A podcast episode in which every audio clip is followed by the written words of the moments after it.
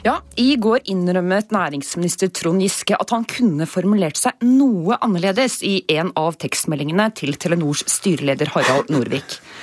Og Trond Giske, hvordan står det til med din evne til å være ydmyk?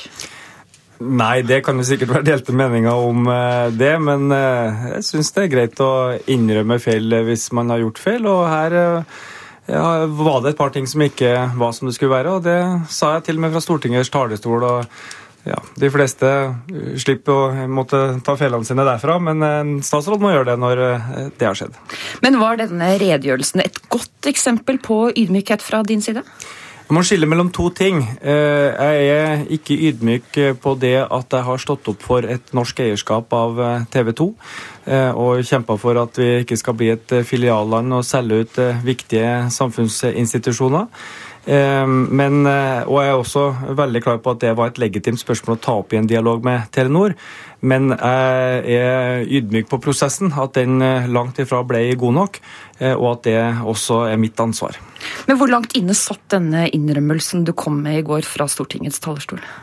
Nei, Den satt ikke så veldig langt inne, for det er en realitet. Det ble gjort og sagt ting underveis der som eh, skulle vært eh, annerledes.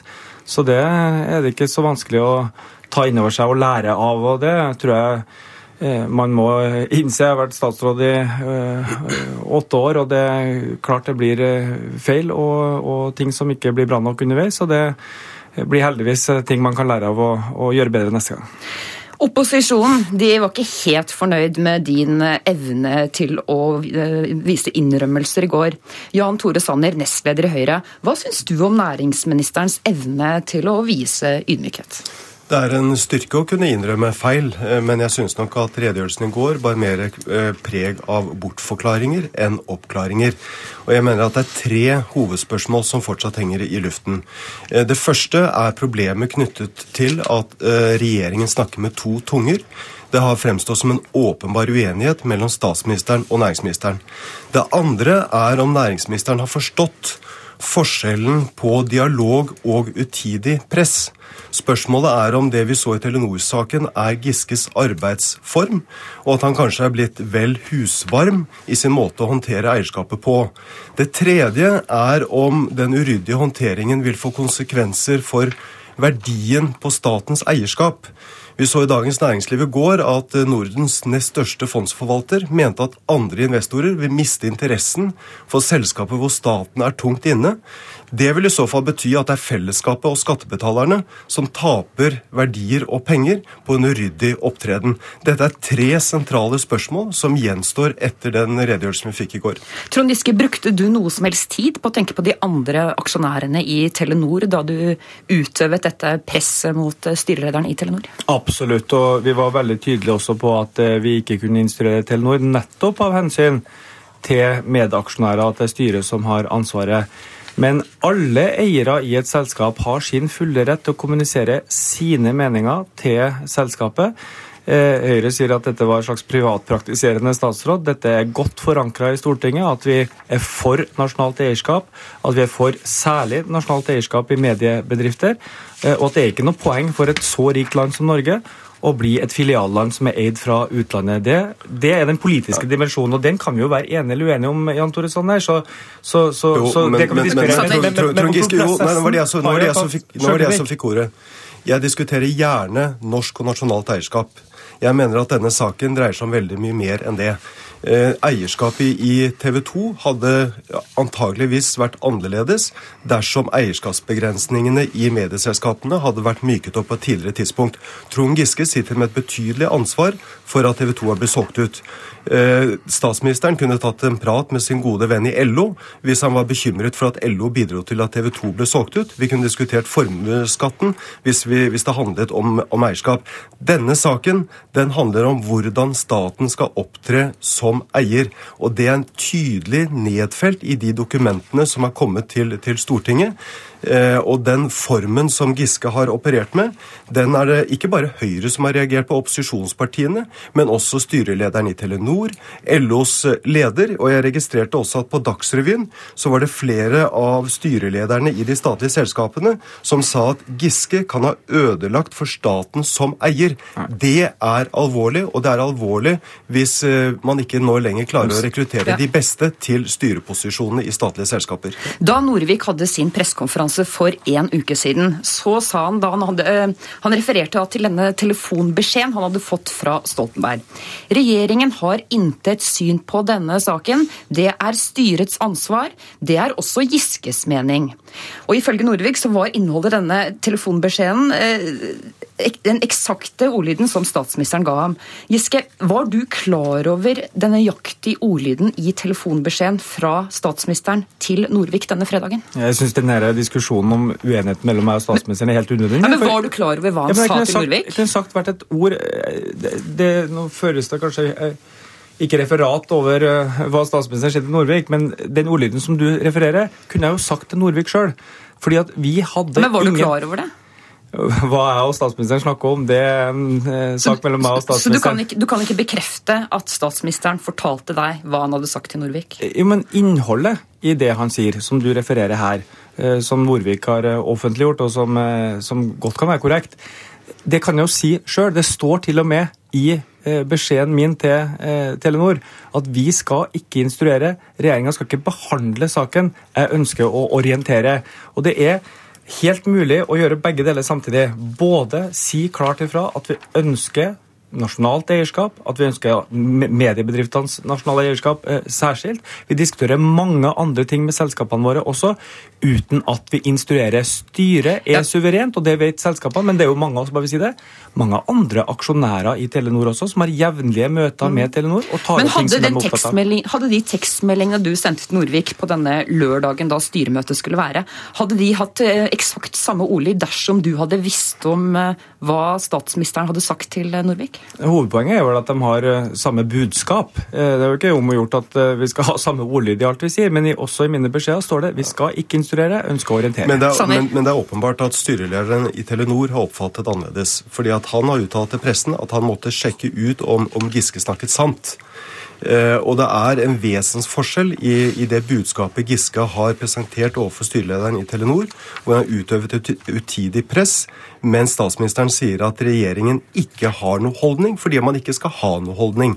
Giske sier i en tekstmelding at han ønsker å behandle, å behandle, saken, behandle, sak, behandle saken i underutvalget og regjering, mens, eh, mens råden ved statsministerens kontor var veldig tydelig på at saken ikke skulle behandles i underutvalget. Slik at her, er, her har regjeringen snakket med to tunger, og det er problematisk i en så viktig sak, fordi det handler om forvaltningen av fellesskapets det, verdier. Det er jo ikke sikkert at næringsministeren visste helt eksakt hva Norvik fikk beskjed om på den fredagen av statsministeren. Ja, Da burde de ha snakket sammen. Ja, men poenget, altså Ordet 'behandle' er det sentrale her, hvis vi skal gå helt inn i semantikken. Eh, Jan Tore Sanner. Vi har aldri hatt som ambisjon å behandle om TV 2 skal selges til Danmark eller ikke. Eh, for det er det styret i Telenor som skal behandle. Men at en så stor og viktig samfunnsinstitusjon som Norges største private mediebedrift selges til utlandet, kan bli orientert om det skjønner jeg ikke at uh, en som har via sitt ja. liv til politikk og demokrati, uh, kan uh, ha så mye mot det. altså Jan Tore Sanner. Det må jo være helt legitimt at hvis man kunne funnet en løsning som kombinerte Telenors kommersielle interesser med å bevare nasjonalt eierskap i, i Norge Men nå, nå, er det ikke det vi diskuterer. Men, Nei, men, hvis, hvis Høyre, men hvis opposisjonen i går skulle vært fornøyd med redegjørelsen fra Giske, hvor langt måtte han gått i sine innrømmelser?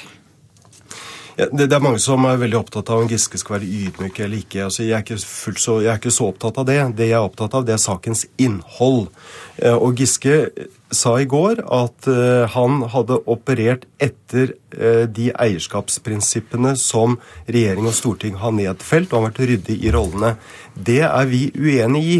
Og det vi, det vi frykter, det er at uh, Giske nå får en aksept for at man kan fortsette å operere det statlige eierskapet slik man har håndtert eh, eh, denne Telenor-saken. Vi er mer opptatt av hva som skjer fremover, enn hva som er skjedd eh, i fortid.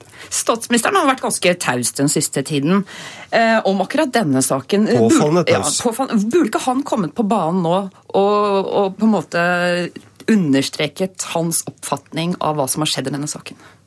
Jo, eh, jeg, jeg, mener, jeg mener, det. Eh, fordi at eh, Statsministeren har jo da hatt en dialog med styrelederen i, i, i Telenor, og et uttrykk for en annen syn på håndteringen enn det næringsministeren har gjort. og Derfor er dette litt av sakens kjerne, den uenigheten som man så mellom statsministeren og næringsministeren. Syns du at Stoltenberg bør komme på banen her for å for å gi, gi din støtte, f.eks.? Jeg syns statsministeren har sagt alt som er nødvendig å si. At Eh, vi er helt enige om dette. At det er ikke en forskjell. og Opposisjonen får jo fortsette å koke suppe på, på det. Eh, men vi kommer til å si det samme hele tida. Styret bestemmer. Vi instruerer ikke. Vi behandler ikke saken, men det er styret som avgjør. Men samtidig at det er fullt legitimt å kommunisere det som Stortinget mener, eh, det som eh, jeg har sagt til Telenor, at det å selge TV 2 ut til utlandet, det er omstridt. Og det er jo det som er saken, Jan Tore Sanner, og det vil du aldri diskutere. Jo, jo, jeg, registrerer gjerne det, og jeg er veldig opptatt av nasjonalt eierskap både til norske bedrifter og norske kulturinstitusjoner. Giske sier at dette handler om å koke suppe. Jeg mener at dette er en svært viktig sak fordi det handler om fellesskapets verdier. Det handler om norske skattebetaleres eierinteresser eh, gjennom staten i, de, i disse selskapene selskapene. Eh, og Derfor så handler det om hvordan man ivaretar fellesskapets verdier for, for fremtiden, og hvordan staten skal opptre som profesjonell eier i de selskapene man er, er inne i. Da avslutter vi denne debatten for i dag. Takk for at dere kom, næringsminister Trond Giske og eh, nestleder i Høyre, Jan Tore Sanner. Ja, Vi skal videre i sendingen. I går innrømmet næringsministeren at Nei, beklager. En av utfordringene da TV 2 skulle selges, var mangelen på norsk kjøper.